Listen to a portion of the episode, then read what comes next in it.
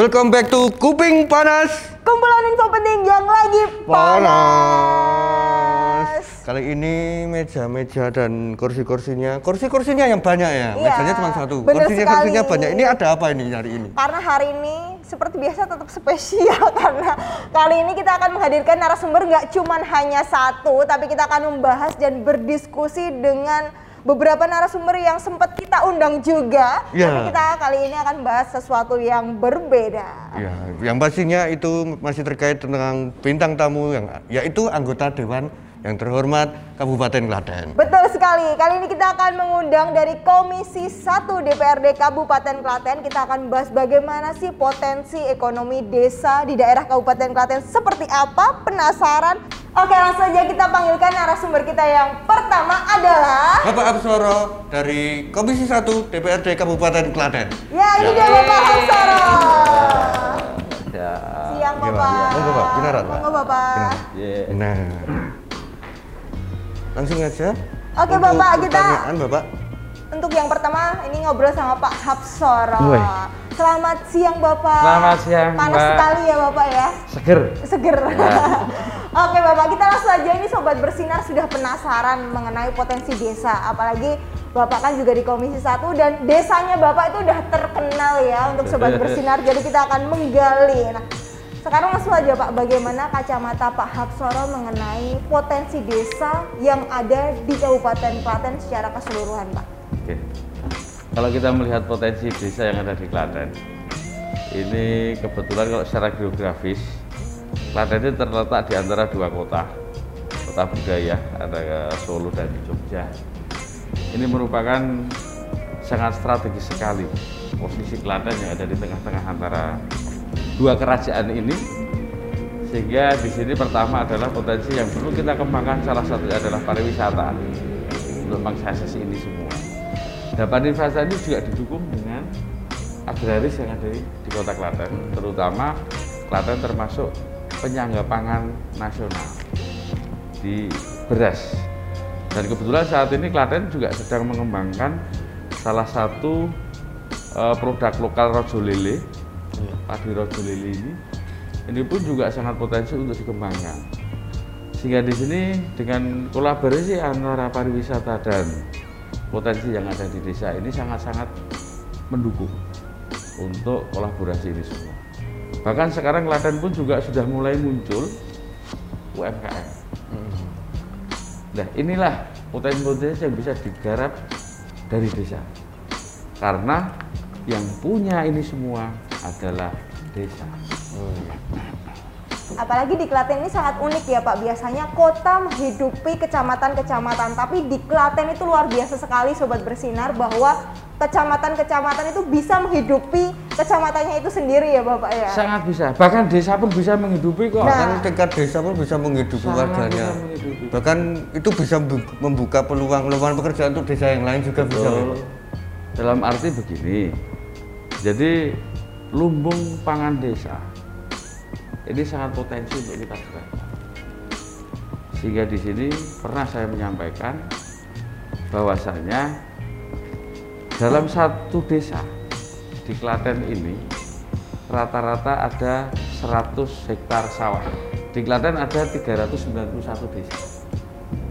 Nah, dari 100 hektar sawah ini, rata-rata penduduk di desa di Klaten ini kan sekitar 3 ribuan.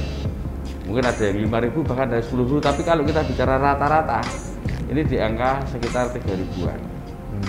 3 ribuan penduduk, apa 3 ribuan jiwa, bukan penduduk jiwa. Ini kalau kita bicara pangan, terutama bicara beras, hanya cukup membutuhkan 50 hektar sawah untuk menghidupi 3000 jiwa tersebut. Kalau satu desa ada 100 hektar, berarti kan yang 50 hektar ini bisa dimanajemen dengan cara kolaborasi dengan manajemen investasi. Misalkan yang pemilik sawah dengan BUMDes, pemilik sawah dengan penggiat-penggiat tani, gapotan, bisa-bisa yang lain. Ini kita manajemen bersama. Sehingga apabila ini bisa terjadi, saya optimis eh, surplus pangan itu di desa pun mampu. Dengan tentunya ini semua harus termanajemen bersama dalam satu manajemen. tidak jual sendiri-sendiri.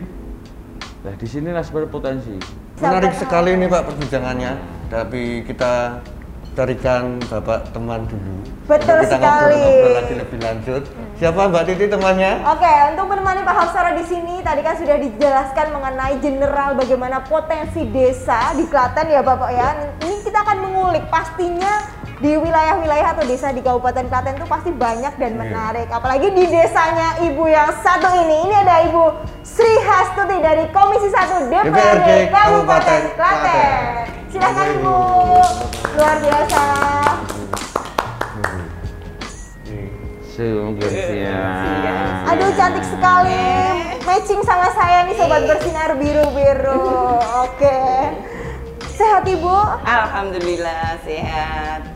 Oke. Nah, meneruskan perbincangan yang menarik Betul. tadi tentang Pak Absoro bahkan peran pemuda itu juga membutuh, dibutuhkan di dalam desa. Nah, Ya. Di sini potensi desa yang bisa digarap pemuda itu seperti apa?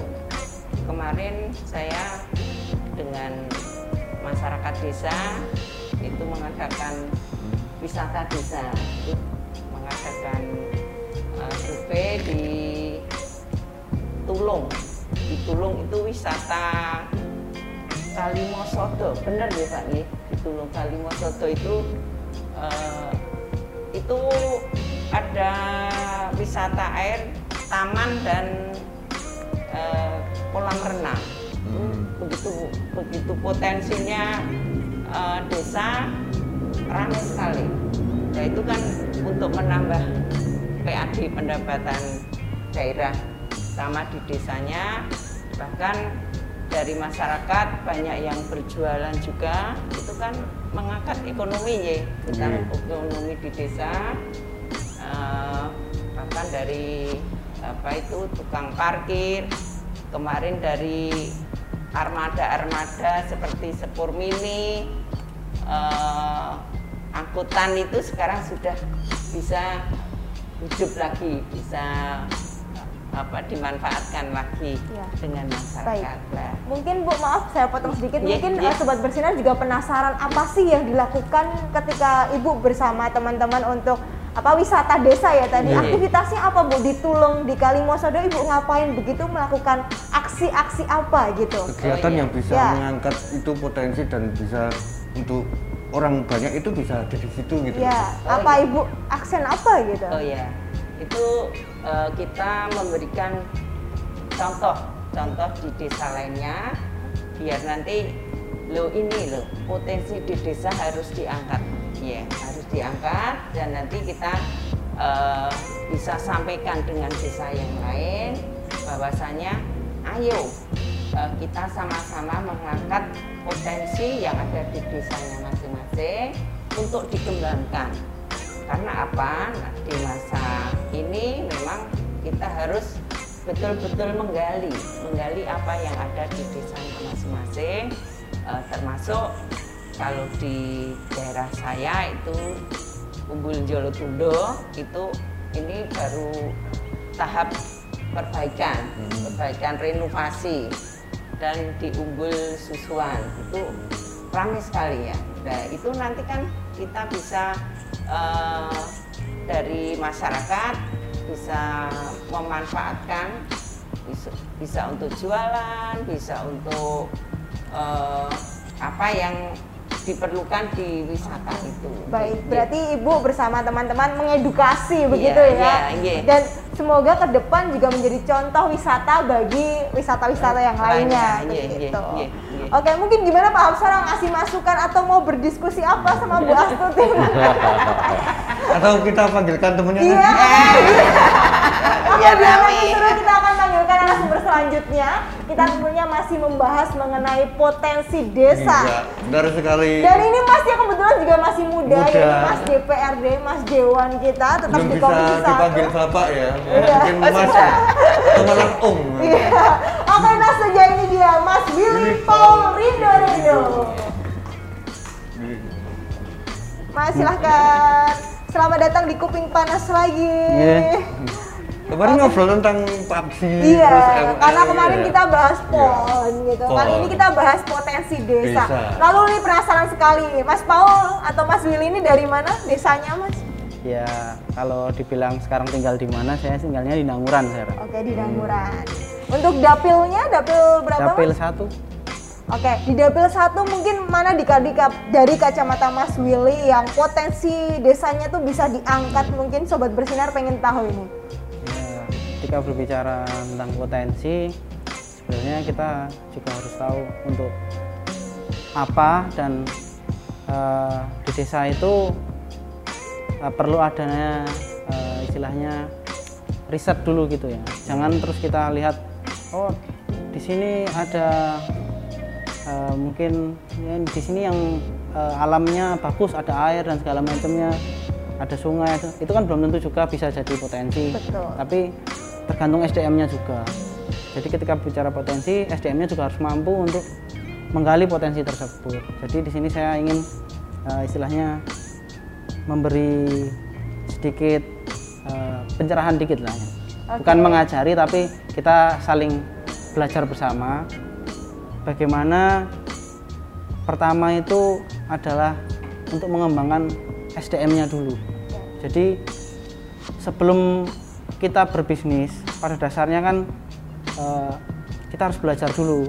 Kita tuh eh, mau melakukan apa gitu. Bisnis itu itu apa? Basicnya tuh apa? Harus belajar dulu. Jangan asal "Oh, ini yang lagi hype nih eh, budidaya lele gitu misalnya. Nah dia cuma lihat dari eh, YouTube atau dari dengar-dengar dari temen, oh ini penghasilannya banyak ini gini gini. Pas dia melakukan sendiri kok banyak yang error. Dan itu ya memang wajar terjadi karena bisnis itu nggak nggak mudah juga, tapi kita harus mengalami jatuh bangun juga. Nah, tapi kan kita juga bisa melihat dari beberapa banyak orang errornya tuh di mana kita bisa belajar dari situ makanya sebenarnya saya tuh eh, prihatin dengan cara orang memulai bisnis gitu mereka tidak eh, melihat resikonya mereka hanya mikir bisnis itu yang penting ada modalnya nah itu menurut saya itu adalah kesalahan Betul. Karena kita harus menyiapkan SDM itu tadi. Iya. Maksud saya dengan adanya satu manajemen atau manajemen yang baik, sebenarnya potensi di Klaten ini sangat besar. Apalagi kita ini SDM-nya sangat mampu saya rasa. Eh, bahkan di Klaten ini banyak eh, jadi orang-orang sukses tuh banyak orang Klaten itu. Pertama kan gitu, kita harus dari mimpi dulu. Ketika mimpi itu kita obrolkan menjadi rencana. Ketika rencana itu kita lakukan jadi komitmen. Komitmen dilakukan itu kan akan menjadi hasil gitu. Jadi berawal dulu dari mimpi. Jangan cuma mimpi aja gitu kan. Nggak bangun-bangun nah jangan sampai gitu. Mimpi terus. Oke, menarik sekali ya Mas itu ya. Ya, betul Eh, sekali. karena mungkin bintang tamu yang hadir kali ini adalah dari partai-partai yang berbeda dan menjadi satu. Hmm. Dan ini yang yang akan kita tanyakan adalah peran dari Komisi Satu sendiri, Bapak. Ya, satu-satu ya ini. Jadi jangan direbut semua pertanyaan jawabannya nanti Oh, dosanya panjang. Peran dari Komisi Satu untuk mengangkat potensi desa masing-masing ini. Iya. Itu Singkat seperti saja apa? ya Pak? Bapak, Ibu. Kalau kami bicara dari Komisi 1, Baik. kami bisa masuknya di BUMDes. Hmm. Bisa. Karena itu di bawah Dispermades. Sehingga kami lebih ke legislatif ke Dispermades. Counterpart kami Dispermades membawai kecamatan sama desa. Kami masuknya lewat dari sini. Ya, di sini nanti kan BUMDes ini seperti apa bagaimana. Jalannya apa seperti apa bagaimana. Inilah regulasi aturannya ada di kami di Komisi 1. Tapi kalau kita bicara kedekatan kepada masyarakat, ini adalah lewat desa melalui BUMDes. Ini bisa kita gerakkan peran Komisi 1 maksud kami ada di situ. Oh, berarti Iya. ketika ada BUMDes dan Komisi Satu masuk, terus kemudian membuat kegiatan ataupun potensi-potensi yang lain lewat BUMDes itu ya. Iya. Berarti untuk sosialisasi untuk untuk peningkatan SDM semuanya itu Komisi Satu menggenjotnya di BUMDes itu. BUMDes lewat desa. Tentunya kerjasama dengan Dispermasdes Di Langsung saja mungkin Ibu Astuti mau menambahkan bagaimana peran mungkin dari sisi segi apa seperti itu Bu? Oh iya, Eh, memang di Komisi Satu itu eh, kemitraan kerja itu banyak, banyak. Tadi sudah disampaikan, termasuk kita kemitraan dengan dinas Permasdes, dengan Bapeda, dengan kejaksaan, dengan apa lah. Memang peran di Komisi Satu itu luas, luas bahkan memang eh, kita optimalkan memang di tingkat desa. Eh, Pak Zoro tadi matur dengan BUMDes. ya. BUMDes itu kita eh, untuk BUMDes itu bisa berjalan itu bagaimana kita memang eh, untuk eh, ikut eh, melibatkan diri, ikut mengawasi. Eh, memang kita eh, di Komisi Satu itu memang ayo BUMDes dikembangkan. Kalau Mas Willy gimana? Ya, mungkin kalau untuk dalam hal ekonomi tetap kita berhubungannya dengan BUMDes ya, dengan Dispermasdes tadi. Ya, kita sering komunikasi bagaimana eh, agar BUMDes ini lebih mengerti tentang potensi desanya. Jangan sampai ada kata-kata ikut-ikut gitu. Jadi ketika ponggok ini laris terus semuanya bikin kolam. Padahal di desanya nggak ada Nggak ada air. nggak ada airnya terus jadi gimana jadi warga warga jadi nggak kedapatan air kan jadinya Hmm. nah itu kan masalahnya makanya peran komisi satu ini sebenarnya kita selain eh, berkomunikasi tapi juga eh, kita terbuka untuk eh, mengedukasi. Mengedukasinya lewat apa? Kita bisa juga memanggil dari universitas untuk studi banding. Eh, desa ini tuh harusnya tuh seperti apa? Penggerakannya tuh di bidang apa? Nah, jadi nggak semua kita yang mengajari tapi kita bisa panggil dari lu pihak luar untuk bagaimana mengedukasi desa-desa ini supaya setiap uang yang digunakan oleh bumdes itu ada hasilnya Nggak gitu. sia-sia gitu nggak ya. sia-sia sekali luar biasa. Tadi kan Mas Alvin juga sudah menanyakan bagaimana perannya. Tapi kali ini saya sangat bangga sekali karena ini tiga beliau-beliau ini sangat paket lengkap begitu ya. Dari segi Mas Willy itu membahas banget. mengenai SDM Iya, gitu kan, banget. anak muda bagaimana, terus dari Bu Astuti bagaimana cara mengedukasi, gimana mengembangkan potensi. Dan Bapak Hamsara ini luar biasa sekali karena actionnya langsung memberikan contoh bagaimana potensi desa itu sangat luar biasa sekali. Pokoknya kita nggak bosen untuk mengundang dari Komisi Satu ya Bapak Ibu ya. Mungkin ada pertanyaan lagi dari Mas Alvin? Iya ada ini pak. Tadi kan sempat eh, membuat bumdes untuk mendampingi bumdes ya. Biasanya di bumdes bumdes itu masalahnya seperti apa? Mungkin dari dari Mas Willy. Nanti kasihan Mas Willy, nanti kegiliran Mas Willy soalnya mikir, aduh kok entek. Mungkin mempersingkat sekaligus harapan ya. Oke. dari Mas Willy dulu. Ya. Monggo Mas. Masalahnya biasanya di bumdes itu seperti apa? ya terkadang misalnya dalam hal misalnya kan selesai pemilihan desa gitu kan Oke. Kadang yang dipilih direkturnya itu adalah orang terdekat daripada desanya tersebut, bukan orang yang benar-benar bisa Kompeten. menjalankan bisnisnya Hmm. Dalam hal itu. Nah, maksud kami adalah eh, misalnya pun orang itu tidak dalam bidangnya, ayo diedukasi dulu melalui program-program dari Dispendakop eh, atau mungkin dari desa menganggarkan memanggil eh, universitas atau dari lembaga tertentu untuk bagaimana caranya yang menjadi direktur-direktur bumdes ini memang benar-benar dia bisa menjalankan bisnis itu gitu. Dan bahkan pandemi ini saya dapat cerita lucu. Gimana ini? Mas? apa unik lah istilahnya. Kemarin ada saya beli roti bakar gitu. Iya. terus saya tanya wah pak pandemi ini pasti sepi ya pak? Wah alhamdulillah mas malah enggak. Saya malah dulunya tuh eh, cuma buruh katanya. Begitu pandemi saya nggak ada pekerjaan nggak ada apa-apa terus saya berani melangkah untuk jadi pengusaha roti bakar itu tadi alhamdulillah malah lebih sukses daripada saya jadi buruh saya dengarnya itu langsung mantap gitu loh. iya. Masya Allah. Wow, kok ada yang bisa bilang seperti itu gitu. Malah dia bilang "Eh, COVID ini malah jadi berkah gitu. Kok bisa nih ada orang situasi kayak gini ngomong seperti itu gitu. Itu kan bagus ya.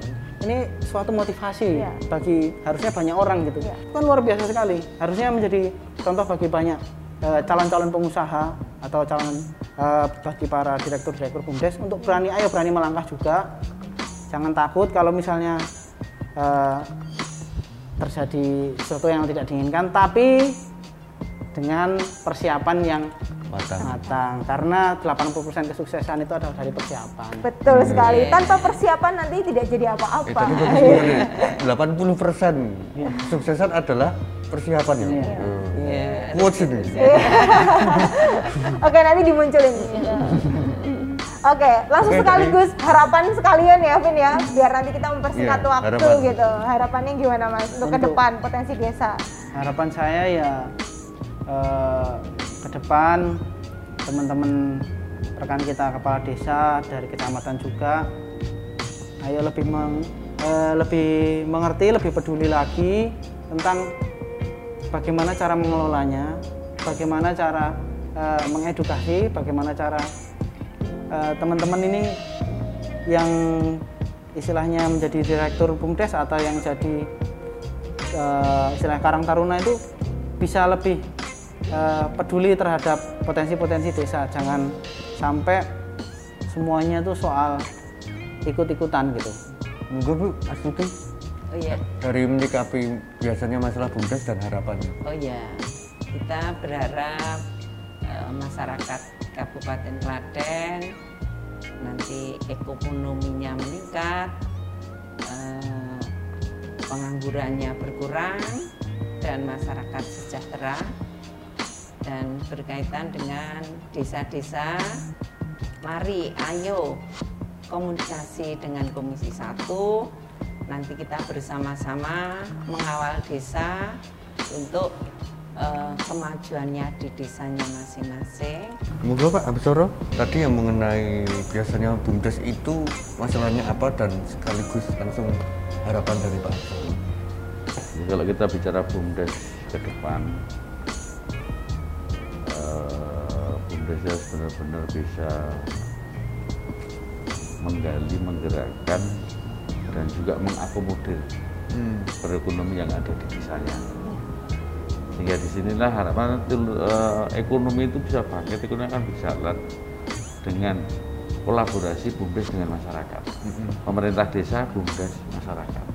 Di sini, ya salah satunya yang bisa kita lihat adalah bagaimana kita membesarkan bumdes, tetapi tidak bersaing dengan Bumdes-bumdes yang lain atau bagaimana? anu usaha warga yang di desanya. Oh. Tidak mematikan gitu ya. Ya bisa, ada. tapi saya bisa berjalan sinergi. Energi. Harapan kita seperti itu.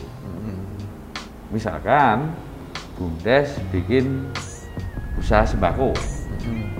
Ya Bumdes jangan jual sembakonya ke warga. Hmm. Tapi posisi Bumdes kerjasama dengan warung-warung desa untuk menjual barang itu. Gerakkanlah masyarakat lewat Bumdes. Jangan Bumdes berdiri sendiri, nampung hasilnya masyarakat di. Tapi bagaimana ini masyarakat ini produksinya juga bisa maksimal. Bagaimana dia bisa menjual dengan omset yang lebih tinggi. Nah seperti itu harapan kami. Sehingga di sini menurut kami dari kami generasi muda, generasi milenial ini lagi tunggu di desanya masing-masing. Iya. Kampung halamanmu menunggu ya anak-anak milenial. Woi, Boleh. sobat bersinar boleh, ditunggu. boleh, boleh. Ayo Boleh, mulai, Bapak, mulai, boleh. mulai. Di desa banyak uang. Ya. Jangan takut kelaparan. Betul. Kita banyak uang yang bertebaran di sekitar.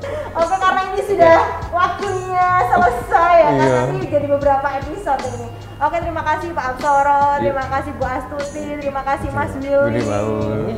Sudah bergabung di Kuping Panas dan pastinya Sobat Bersinar terima kasih sudah bergabung pada acara hari ini. Jangan lupa komen, like, komen dan subscribe. Subscribe. Mungkin ada materi yang mau diusulkan mau bahas apa nih bersama Komisi 1 bisa langsung tulis di komen di bawah ini. Terima kasih, saya Didi Rohman. Dan saya Alvin Ma- Terima Maulana. kasih untuk seluruh narasumber hari ini. Terima kasih tetap di Kuping Panas. Kumpulan info penting yang lagi Panas.